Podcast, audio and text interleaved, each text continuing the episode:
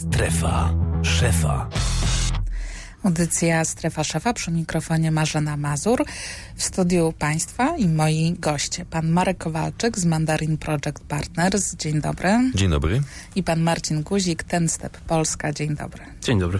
Będziemy żyć kolorowo. Żyć kolorowo z projektami, z zarządzaniem projektami. Mamy dla naszych słuchaczy nagrody.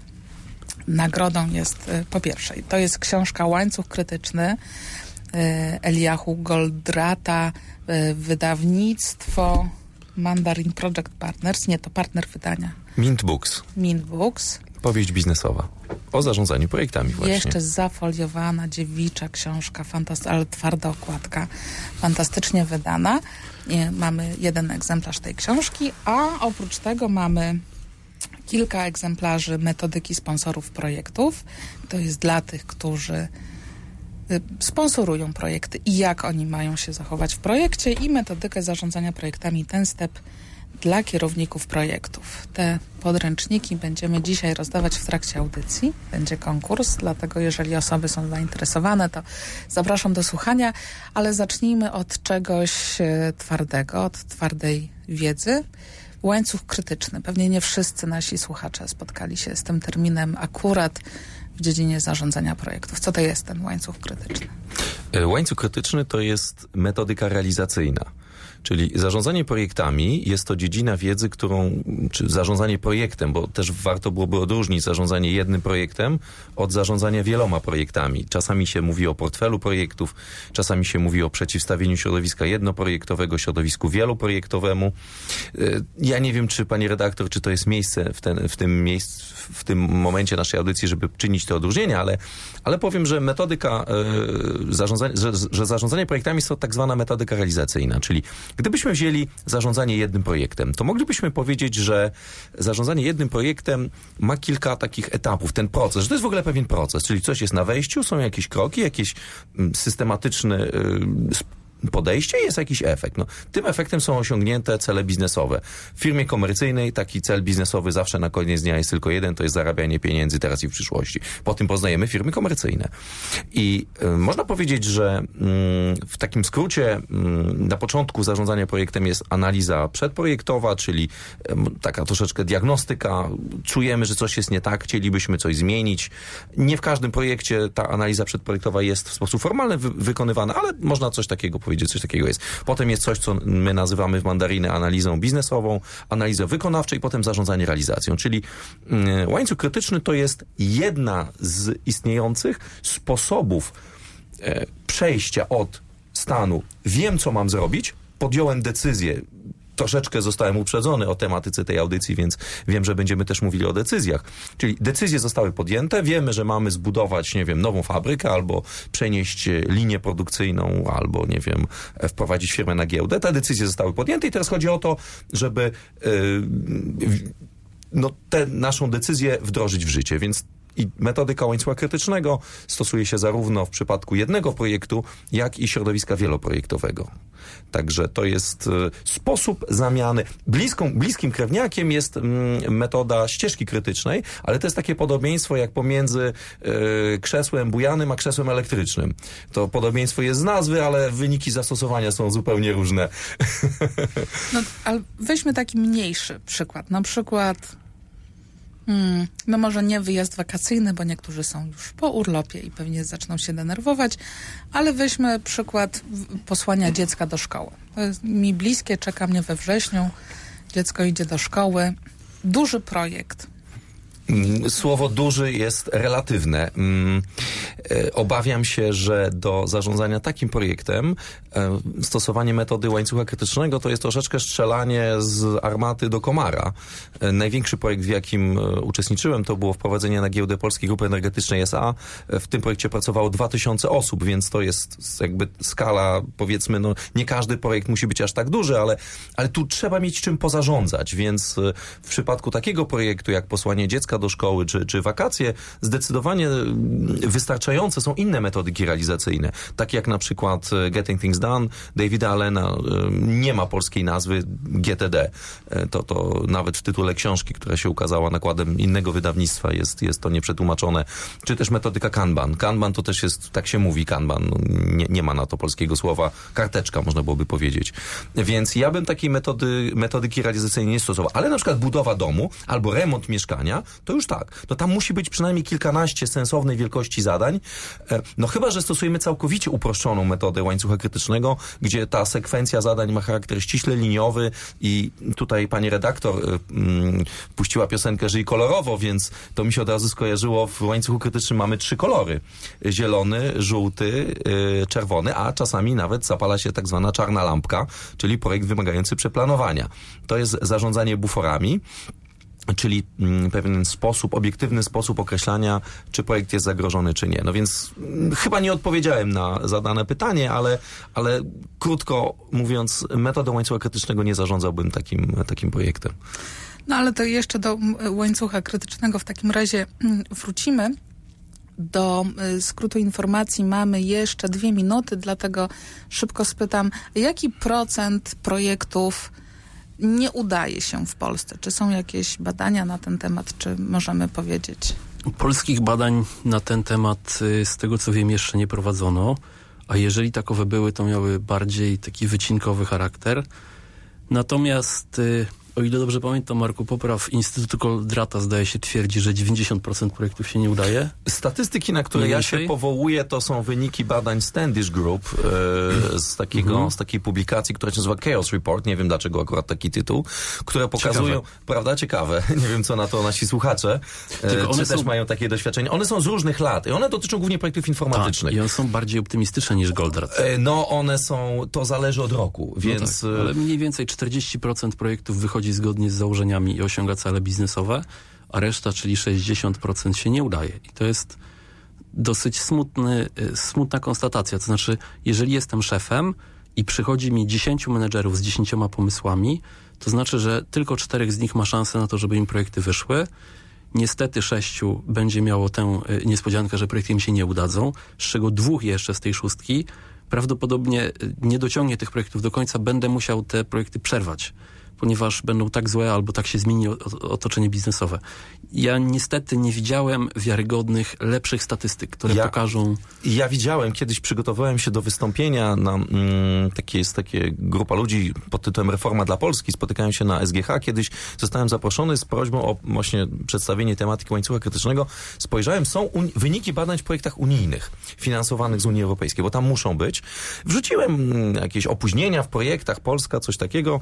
E, dostałem y, informację, z której wynika, że w przypadku projektów kolejowych, w branży kolejowej, przygotowawczych, chyba ponad 100% się ich nie udaje. Ponad 100%. Ponad 100%. 100% to jest zdecydowanie niesamowita liczba. Proszę Państwa, zapraszam na skrót informacji Radia TOK FM. Strefa. Szefa. Audycja Strefa Szefa przy mikrofonie Marzena Mazur w studiu Państwa goście i moi oczywiście też, pan Marcin Guzik z Tenstep Polska i pan Marek Kowalczyk z Mandarin Project Partners. Mm, rozmawialiśmy tuż przed skrótem informacji o tym, jaki procent projektów y, kończy się niepowodzeniem i tutaj mieliśmy od 60 do 90%. A gdyby pan mógł wymienić, nie wiem, jedną, dwie, trzy przyczyny które wpływają na to, że projekty kończą się niepowodzeniem, to co by to było? Oczywiście przyczyny są ważne i zaraz do nich y, nawiążę, ale wydaje mi się, że o wiele ciekawsze i ważniejsze jest to, co to znaczy, że projekt się kończy sukcesem. Bo jeżeli te statystyki coś pokazują, czyli 60% się udaje, 40, yy, przepraszam, 40 się udaje, 60 się nie udaje, to jak to badano? Na co zwraca się uwagę? I teraz chcę no, zwrócić... No, wydaje się, że to jest takie oczywiste, że no nie. to znaczy, że na początku sobie coś założono i właśnie to osiągnięto. Przykład y, to chociażby słynny system Iridium, który wyszedł zgodnie z planem i budżetem, tylko że do niczego się nie nadaje. Albo inny przykład, Ford y, Taurus, o ile pamiętam, to projekt, który się opóźnił zaledwie dwa miesiące i trochę, y, trochę przekroczył budżet, w wyniku zasług zwolniono kierownika y, projektu, czy tam oddelegowano go do pracy w innej komórce, a ten projekt, czy ten produkt y, odnosił niesamowite sukcesy na rynku motoryzacji przez 20 lat. I dlatego ja bym powiedział tak, że to nie jest do końca takie oczywiste i wielu twórców, wielu, wielu twórców teorii czy wielu badaczy mówi tak, że projekty mają takie trzy poziomy, w których rozpatrujemy sukcesy. Pierwszy poziom to jest taki organizacyjny, czyli to, co zakładałem i obiecywałem, to się zdarzyło. Po drugie, zdarzyło się w tym czasie, kiedy miało się wydarzyć i kosztowało tyle, co powinno. Tak najbardziej oczywiste ze wszystkich, yy, najbardziej oczywisty poziom. Natomiast drugi, drugi poziom, wyższy, to jest klient, który to zamówił, był zadowolony. I czasem jedno z drugim nie ma wiele wspólnego. Klient dostaje to, co miał dostać, ale jest niezadowolony. Bo znaczy nie, do, dostaje to, co zamówił. Tak, to, co zamówił. Być może okazuje się, że nie o to mu chodziło do tak? końca. I dlatego to zadowolenie klienta jest trochę ważniejsze, bo czasem klient nie umiał się wysłowić i ma do tego zresztą prawo, nie potrafił y, zgadnąć, czego chce. Miał jakąś intuicję, miał jakąś energię, ale nie umiał tego wypowiedzieć jasno. I dlatego to zadowolenie klienta to jest taki drugi poziom w zadowoleniu, w, w sukcesie projektu. Natomiast trzeci poziom to jest poziom sukcesu biznesowego, czyli oprócz tego, że klient jest zadowolony, dostarczyliśmy na czas i dostarczyliśmy w budżecie, to jeszcze to coś przyniosło sukces komercyjny przedsiębiorstwu, które ten projekt realizuje. I teraz, jeżeli tak zdefiniujemy, jeżeli tak będzie zdefiniowany sukces, to zdecydowanie mniej projektów go osiągnie. A pytanie brzmiało, co jest powodem, dla którego projekty nie osiągają sukcesu. No więc wiele badań zasadniczo mówi o tym samym. To znaczy na pierwszym miejscu wymienia sponsora projektu jako przyczynę absolutnego sukcesu sponsora, czyli kogoś z wyższej kadry zarządzającej, kto z ramienia zarządu czy dyrekcji pionu nadzoruje projekt. I wielu ludzi mówi, że to jest y, przyczyna sukcesu. Analogiczne badania, które analizują porażki, mówią, że jeżeli on się nie zaangażuje, to projekt ma prostą drogę y, ku klęsce. Druga sprawa to jest komunikacja, w której to coraz bardziej zaczynamy doszukiwać się przyczyn sukcesów projektów. I ostatni element to są dobre wymagania, dobra analiza interesariuszy ich wymagań, tak w ogóle. Są trzy takie powody, w których upatrujemy sukcesu bądź porażki. Y, Dalej można wymieniać na przykład akceptację społeczną, jeżeli to jest projekt organizacyjny, bądź projekt, który ma coś zmieniać, to, to czy ci ludzie byli dobrze zarządzani od strony takiej psychologicznej, od strony zmiany. To są mniej więcej takie, takie powody, chociaż muszę przyznać, że tych badań, które analizują powody sukcesów i porażek jest bardzo dużo. Natomiast pierwsza trójka jest mniej więcej zawsze taka sama. Proszę Państwa, już na Facebooku napisał y, nasz stały słuchacz, pan Krzysztof Przygoda. Zapraszam na Facebooka, facebook.com, ukośnik TOK FM. Jest wątek poświęcony naszej audycji. Zapraszam, pan Krzysztof napisał tak. Sukcesem projektu jest przede wszystkim satysfakcja klienta, czyli dokładnie to, co pan Marcin Guzik przed chwilą powiedział. Oczywiście wiąże się to też z ekonomicznymi wskaźnikami projektu, ale nawet gdy te będą spełnione, a klient nie będzie zadowolony z niego, to jest to totalna porażka, no bo ktoś jednak za ten projekt płaci, rozumiem, dlatego ta porażka jest. Proszę Państwa, ponieważ przed chwilą usłyszeliśmy, że w większości przypadków za niepowodzeniem projektu stoi sponsor tego projektu, czyli osoba, prawdopodobnie w, w dużych korporacjach jest to wyższa kadra zarządzająca, która ma się opiekować, dawać pieniądze na ten projekt i y, ciągnąć go do przodu. Y, Jeżeli Państwo mają takie problemy w pracy, zapraszam. Y, Za chwilę rozdamy trzy egzemplarze dwóch nie wiem, wydawnictw. Wyda- Zestawu chyba. tak, to, byłoby trzy, trzy zestawy. Trzy zestawy. W każdym zestawie są mm, e, e, dwa tytuły. Jeden to jest metodyka sponsorów projektów, czyli dokładnie wytyczne dla sponsorów. Dobrze rozumiem? Tak, oczywiście. Co mają robić sponsorzy projektu, żeby te projekty zakończyły się sukcesem? I to jest wydawnictwo Ten Step Polska i to jest metodyka też Ten Step. I w zestawie drugi tytuł to metodyka zarządzania projektami i to jest dla kierowników projektów. Czyli z jednej strony jest to dla kierowników projektów, z drugiej strony drugi tytuł dla sponsorów. Taki zestaw dwutytułowy e, można od nas uzyskać, dzwoniąc pod e, radiowy numer, który zaraz podam, ale odpowiadając na pytanie, a pytanie brzmi, Kto jest twórcą metodyki Ten Step? Kto jest twórcą metodyki ten step. 22 kierunkowe do Warszawy, potem 44, 44, 0, 44, 44, 44, 0, 44. D- Trzy zestawy złożone z dwóch książek powędrują do Państwa. W trzeciej części też będziemy coś rozdawać. Też, też damy. E, Będzie konkurs. Ale wracam. No właśnie, to gdybyśmy się zajęli tymi sponsorami. Zakładam, że taka osoba, która jest sponsorem projektu dużej korporacji, na przykład jest prezesem, albo dyrektorem zarządzającym, albo dyrektorem działu, ona jest świetna w tym, co robi, ma dużo doświadczenia, ale mogła nigdy wcześniej nie kierować projektami, ani w ogóle nie pracować projektowo. W związku z tym, skąd taka osoba ma wiedzieć, jak być dobrym sponsorem? To jest oczywiście pytanie trafione w dziesiątkę. Znaczy ludzie na wysokich stanowiskach są tam z bardzo wielu powodów i to, że oni nie mieli w swojej karierze zawodowej do czynienia z projektami, to nie jest ich wada. To jest cecha. Po prostu tacy są. Mógł być świetnym finansistą, mógł być świetnym konstruktorem, mógł być doskonałym przedsiębiorcą, mieć nosa biznesowego i wiedzieć, co się na rynku sprzeda. I teraz problem, jaki mamy, jest dwojakiego rodzaju. Po pierwsze, niektórzy z tych sponsorów, w momencie, kiedy zostali nazwani sponsorem i już zaakceptowali ten fakt, zaczynają bardzo intensywnie wchodzić w projekty. Mówimy o takich sponsorach, takie ADHD sponsorskie. Oni cały czas próbują za kierownika projektu sterować tym projektem i w pewien sposób uczą go bezradności. Drugi natomiast, y, druga skrajność to jest y, apatia projektowa, gdzie taki człowiek unika tematu z uwagi na to, że on jest trudny, że on wymagałby energii, poświęci, poświęcenia czasu. Jak tylko może ucieka od y, kierownika projektu i go próbuje ignorować. I teraz co zrobić? Ja bym zadał sobie takie pytanie na początek. Jako prezes zarządu, czy jako członek zarządu, czy dyrektor pionu, musiałbym zastanowić się nad tym, jaki ja mam wpływ na coś. Bo to nie jest powiedziane, że jak jestem prezesem zarządu, to ja mam nieograniczoną władzę w spółce. Moja władza ogranicza się do liczby zwolenników, która będzie podążała za moimi pomysłami, prawda? Więc jeżeli nie mam dobrego, w tej chwili dobrych relacji z moimi y, podwładnymi, to być może jedyna rzecz, na którą mam wpływ, to ja i to, jak się będę zachowywał.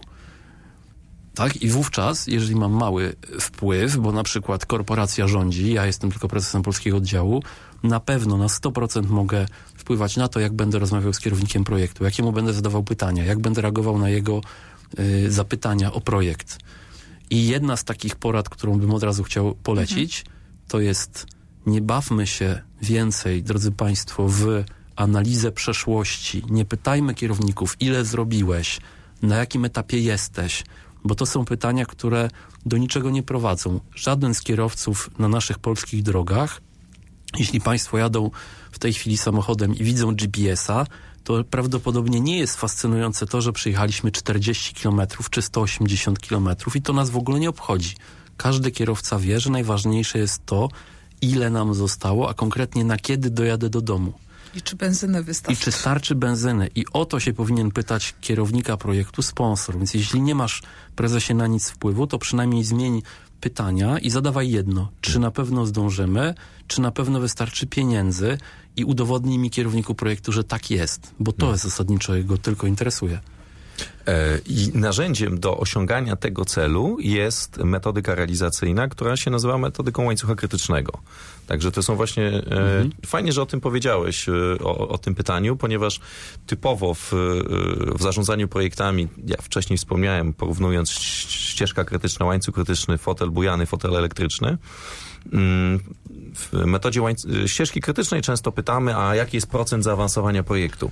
Stosujemy różne wyrafinowane metody, e, metodę wartości wypracowanej, która no, z, mojego, z mojej analizy i nie tylko mojej oraz doświadczenia pracy z klientami wynika, że ta metoda mm, wartości wypracowanej, ona wywołuje opóźnienia w projektach. Ona, ona nie pomaga, ona przeszkadza, ponieważ ona dokładnie jest to próba jechania e, samochodem do przodu, patrząc w lusterko wsteczne.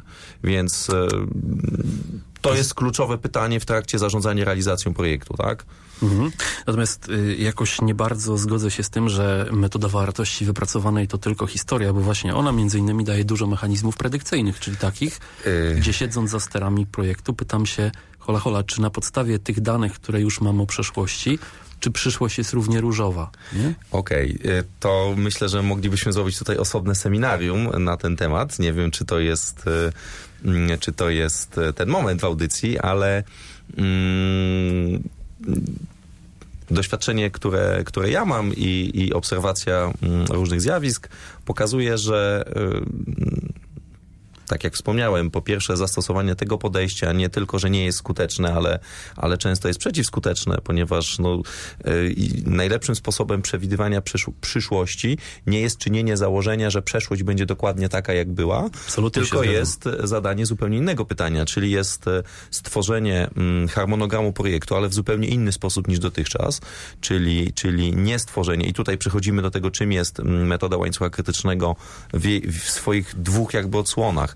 Jedna odsłona to jest przy planowaniu projektu, a druga odsłona to jest przy zarządzaniu realizacją projektu. Mały nawias, który muszę zrobić, mówię o łańcuchu krytycznym dla jednego projektu, bo dla zbioru projektów, czy portfela, czy też brzydko się mówi, takie słowo się używa czasami pipeline projektów, czyli zbiór projektów współdzielących, współdzielących zasoby.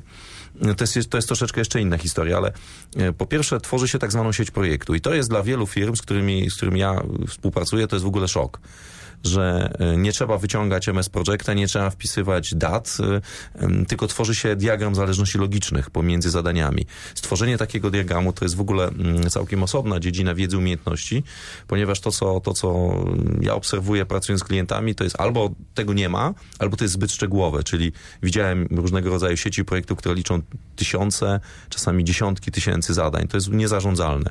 Do 300 zadań. Mm, można wybudować platformę wiertniczą przy pomocy 300 zadań. Czyli tworzymy taki, mm, taki, taką logiczną sieć e, zależności pomiędzy dobrze zdefiniowanymi zadaniami, czyli co jest na wejściu, co jest na wyjściu.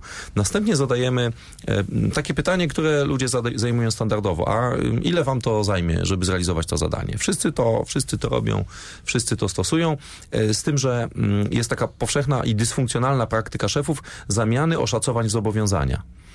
E, ponieważ e, jeżeli zapytałbym panią redaktor, e, na kiedy pani to zrobi, no wtedy pani sobie myśli, no, dwa, no ja powiem, dwa tygodnie to mnie tam będzie ścigała, a jak coś się stanie, no to powiem cztery tygodnie.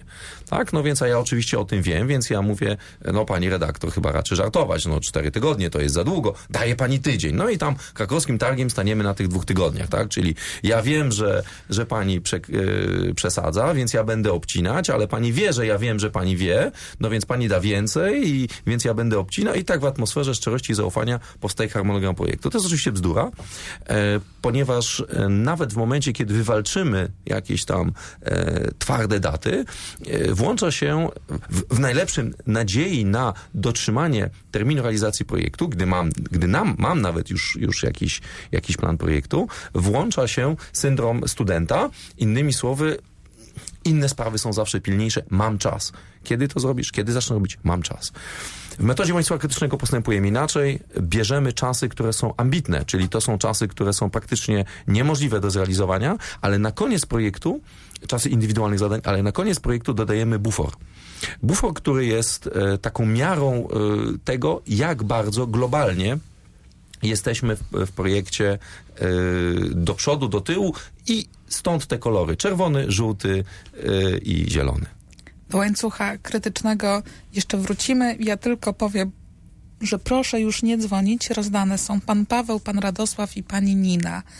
Dodzwonili się jako pierwsi i podali pra prawidłowe nazwisko twórcy metodyki ten step, które brzmi Tom Mochal. Tom Mochal. Te trzy osoby już e, dostaną, już wygrały, dostaną od nas zestawy, a ja bym chciała wrócić do pana Marcina i my, my na razie wysłuchaliśmy pierwszej głównej rady dla sponsorów. Czy jeszcze jakieś wskazówki tak na szybko, które możemy wdrożyć w życie już jutro w pracy? Tak, oczywiście. Jeszcze raz podkreślam, powinienem jako sponsor zadać sobie pytanie, na, na co mam wpływ. Jeżeli mam tylko na siebie, zajmuję się sobą, zadaję właściwe pytania. Jeżeli nie mam wpływu tylko na siebie, ale również na przykład słuchają mnie kierownicy projektu, śmiałe założenie, to ja w poniedziałek rano zebrałbym tych kierowników projektu swoich i zaczął z nimi planować, jak ja będę wychowywał to towarzystwo. To znaczy oni są dla mnie, a nie dla nich, w związku z tym oni powinni porozumieć się ze mną, zrozumieć mój punkt widzenia i pracować moimi regułami. Ale skąd oni na Boga mają wiedzieć, jakie to są reguły? Skoro ja jestem prezesem, oni są kierownikami projektów czy dyrektorem, w związku z tym powinienem z nimi na przykład zrobić przegląd projektu, czyli razem z każdym z tych e, kluczowych menedżerów, nie wszystkich, przejrzeć cel projektu, podyskutować o sukcesie.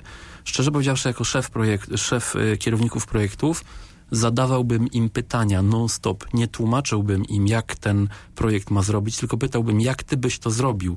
Mam dzięki temu dwie rzeczy. Po pierwsze, widzę i jestem w stanie się zorientować, czy on rozumie moją intencję, ale po drugie, widzę, z kim mam do czynienia. Jeżeli natomiast ja jako sponsor będę gadał, będę tłumaczył, jak wygląda świat, to tak naprawdę niczego się sensownego nie dowiem, a czy to zrozumie kierownik projektu też pozostanie zagadką, którą dopiero zauważę po pięciu, siedmiu czy iluś tam dniach czy tygodniach. W związku z tym, jeśli jestem szefem i mogę pozwolić na dyskusję z kierownikami projektu, w poniedziałek zapraszam na dziewiątą kierowników, siadamy i dyskutujemy o projekcie. Pierwszy temat to jest pytanie, jak rozumiesz kierowniku sukces projektu, jak uważasz, że będziemy to mierzyli, w jaki sposób ten projekt ma osiągnąć rezultaty biznesowe i zadowolenie klienta mnie bądź klienta zewnętrznego, jeśli taka jest sytuacja. Wygląda to na takie bardzo zdroworozsądkowe podejście do e, roli sponsora w projekcie. Dlatego, że zarządzanie projektami w ogóle jest zdroworozsądkowe i muszę Państwu powiedzieć pewną taką buntowniczą tezę postawię. Twierdzę, że wszystkie nasze metodyki, Marku, również Twoja i również moja ten step, w pewien sposób szkodzą kierownikom projektów. Dla... Mm. Dlaczego? Okay.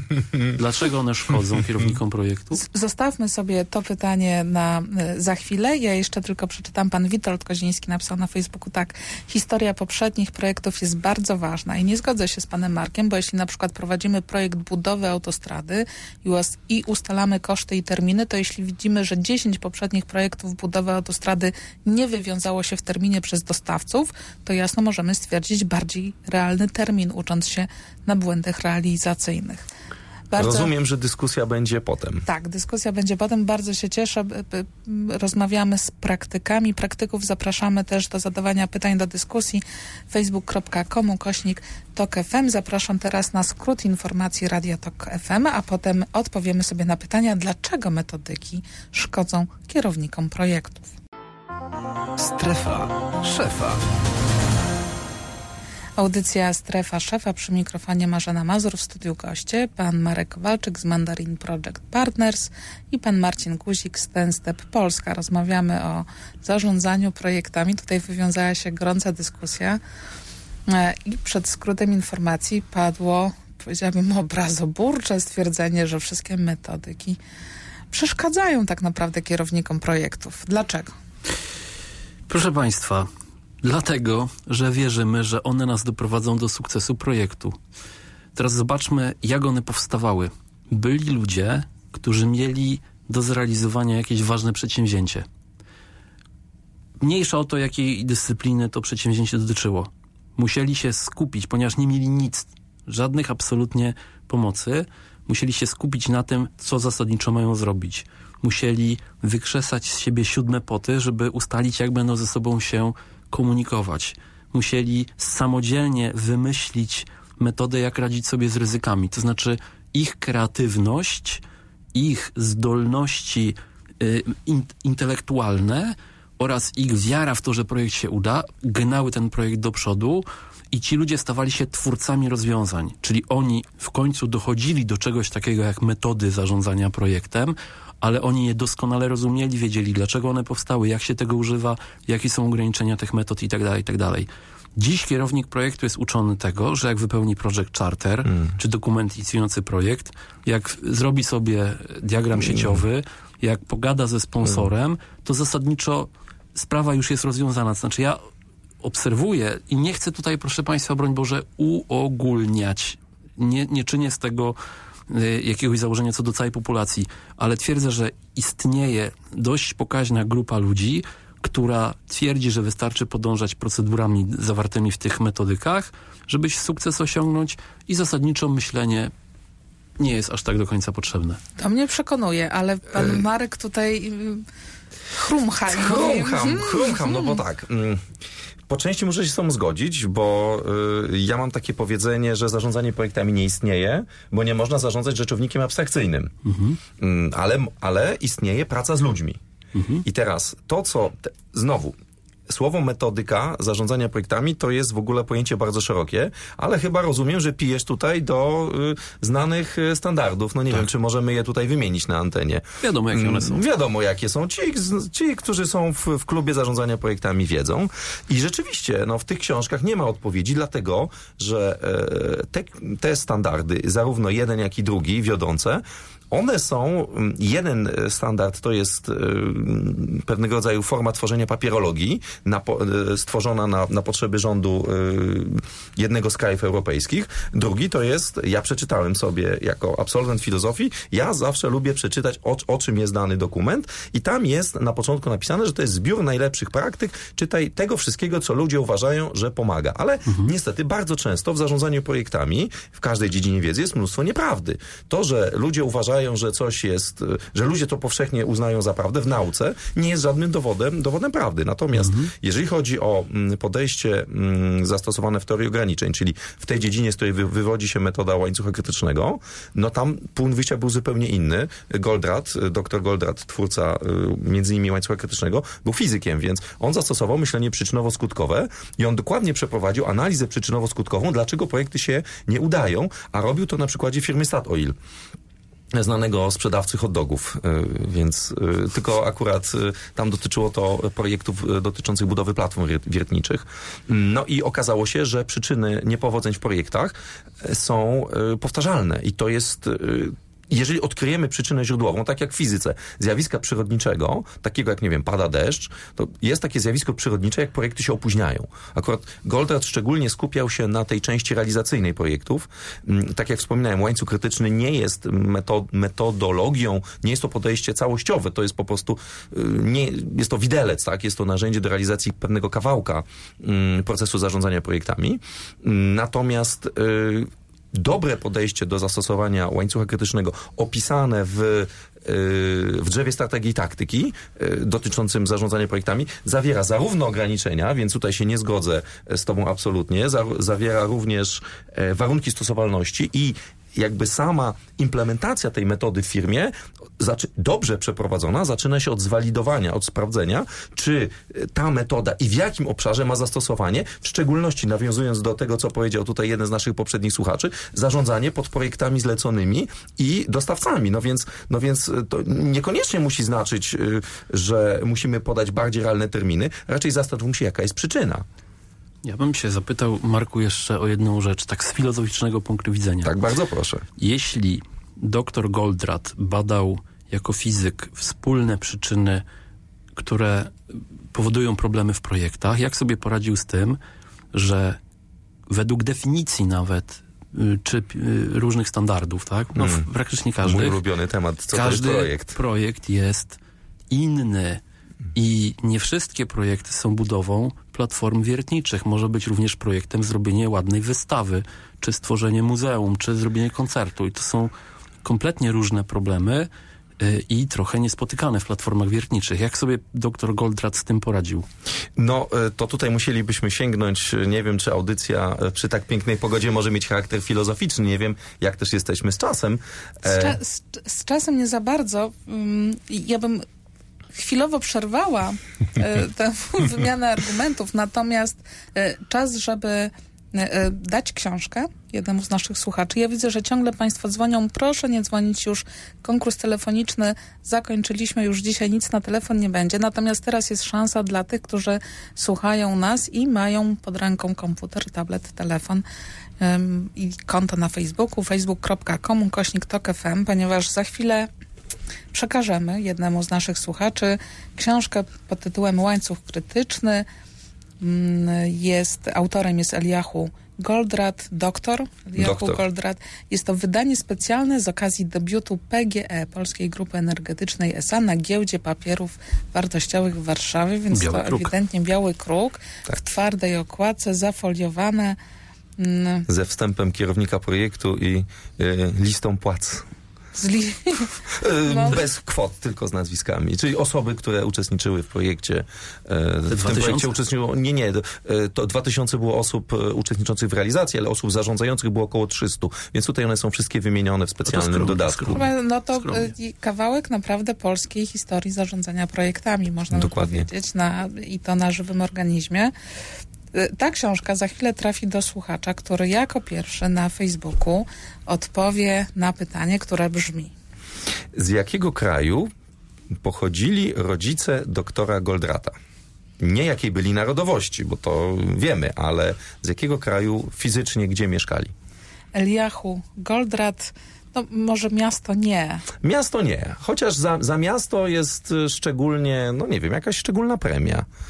Uścisk dłoni, Dobrze. radiowy uścisk dłoni. Radiowy uścisk dłoni dla tych, którzy powiedzą również miasto, z jakiego kraju pochodzili rodzice, Rodzice, tak. doktora Goldrata, czyli twórcy łańcucha krytycznego. A w międzyczasie, czekając na odpowiedź, Panie Marku, gdyby pan mógł w, w trzech prostych zdaniach podsumować w skrócie, na czym polega łańcuch krytyczny? Tak, idąc po kolei, co trzeba trzy zrobić? punkty, znaczy, mm, co, bo, to, bo to są dwa różne pytania. Na czym polega metoda, a co trzeba zrobić, żeby ją zastosować? No więc nie wiem, na które z nich mam odpowiedzieć. Na czym polega metoda? Na, tym, na czym polega metoda? Pierwsza, pierwsza zasada nazywa się zasada kolejkowania. Mówimy o środowisku wieloprojektowym, czyli ja bardzo dużo mówię o złej wielozadaniowości. Hashtag zławiel, proszę zobaczyć również na Facebooku. Czyli nie mogę robić zbyt wielu projektów naraz. To jest jedno. Część projektów musi być zamrożona. Zła wielozadaniowość jest pierwszym problemem. Y, Tutaj mój szanowny y, kolega nie, nie, nie wspomniał i to jest, to jest y, wada wszelkiego rodzaju metodyk, w tym nadmienianej tutaj metodyki ten step. Ona nie atakuje problemu złej wielozadaniowości. Więc to jest jeden. Zredukuj, dramatycznie zredukuj złą wielozadaniowość w projektach. To jest raz. Więc moja rada byłaby y, zrób spotkanie z kierownikami projektów i zamróź przynajmniej połowę tego, co się dzieje. Y, Druga rzecz to jest zasada buforowania, czyli zamieniam plany z dzisiejszymi sztywnymi datami realizacji poszczególnych zadań, zamieniam na buforowane plany, gdzie koniec projektu jest sztywny, jest bufor czasowy, ale terminy realizacji poszczególnych zadań są płynne plus trzecia zasada, zasada zarządzania realizacją, czyli codzienne zadawanie pytania. W praktyce robi się to przy pomocy systemu komputerowego. Codziennie e, tak zwani kierownicy zadań sprawdzają ze swoimi zespołami realizacyjnymi, ile czasu pozostało do zakończenia realizacji zadania. Na tej podstawie mamy kolor bufora i e, mamy obiektywny stan e, zagrożenia terminu projektu. No jest to w trzech zdaniach. Bardzo dziękuję. Już mamy prawidłowe odpowiedzi. Christo Konrad Dimitrów, rodzice Goldrata pochodzili z Polski, Krzysztof Przygoda, Przygoda z Polski, Klaudia Kocimska z Polski, Sebastian Margalski, czyżby Izrael. No, e, Eliachu mo, mogłoby na to Eliasz po polsku. po polsku Eliasz, ale zwycięzcą jest ewidentnie pan Kamil Ściana, który jako pierwszy odpowiedział z Polski pochodzili rodzice. A e, to w takim razie nikt nie odgadł miasta, panie Marku? E, O ile mnie mm, pamięć nie myli, mm, jak kiedy, kiedy dr Goldratt, on kilkakrotnie odwiedzał Polskę, raz na zaproszenie e, naszej firmy, raz przy okazji e, konferencji TOC for Education, jest taka organizacja, mm, to Kielce. Tam byli, zdaje się, nawet z rodziny rabinicznej, o ile, o ile dobrze pamiętam. E, e, Panie Kamilu, odezwę się do pana tuż po audycji z prośbą o to, żeby e, napisał pan do mnie mm, adres, pod jakim możemy wysłać książkę. Pewnie moja wiadomość wpadnie do folderu inne na Facebooku, więc proszę wziąć to pod uwagę i posprawdzać. W, w trakcie piękna książka Kawałek historii polskiego zarządzania projektami idzie do pana Kamila Ściany.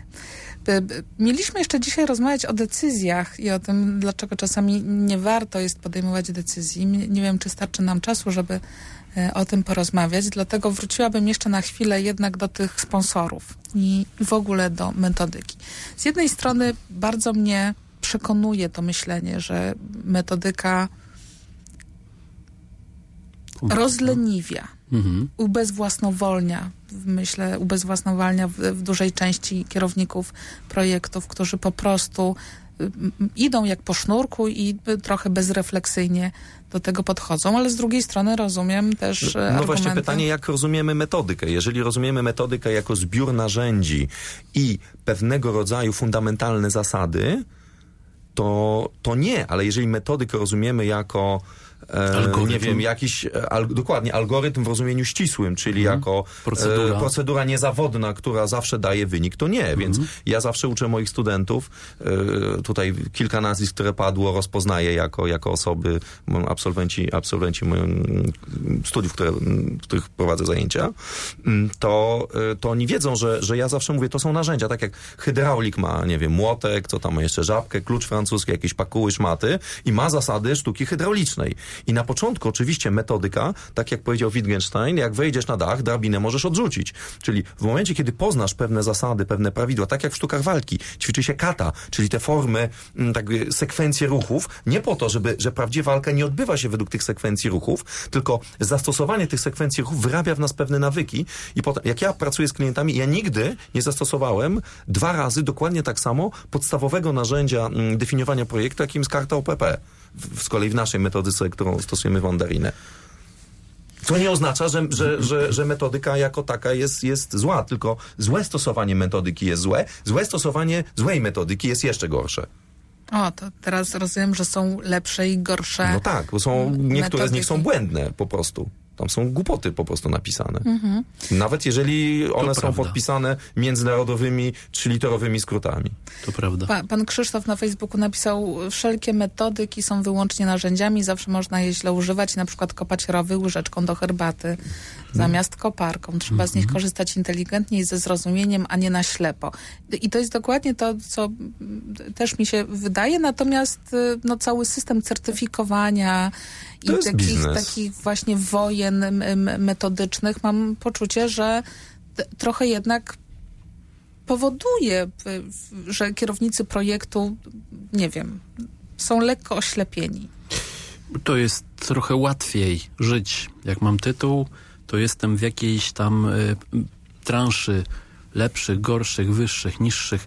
Zawsze na konferencjach międzynarodowych są takie przy recepcji takie plakietki, które się dowiesza w dół, które mówią, jaki mam tytuł. No i bardzo mi takie. się podobało, jak y, na jednej z amerykańskich konferencji widziałem ludzi, którzy mieli półmetrowe plakietki, ponieważ do swojego imienia i nazwiska mieli podowieszanych z 20 różnych tytułów, które no coś dają. To już harcerze wymyślili kilkadziesiąt lat temu nadawanie sprawności. Tam umiem czytać, pisać, czy rozpalić ognisko, czy złapać żabę. No, No, więcej podobnie przesada. project management robi też coś tego typu y, Ale w- to na jest, świecie. to jak nie wiadomo o co chodzi, to wiadomo o co chodzi. No tu chodzi o pieniądze. To jest po prostu biznes, y, punkty, y, certyfikacje. Ciekawe, dlaczego nie wymyślono jeszcze narzędzia, które bada skuteczność kierownika projektu, niezależnie od metodyki. I o tym być może z, porozmawiamy w następnej audycji, ponieważ nasz czas e, dobiega już końca. Moimi gośćmi byli pan Marcin Guzik, Ten Step Polska, dziękuję bardzo. Dziękuję. Pa, I pan Marek Kowalczyk z Mandarin Project Partners, dziękuję bardzo. Dziękuję Państwu.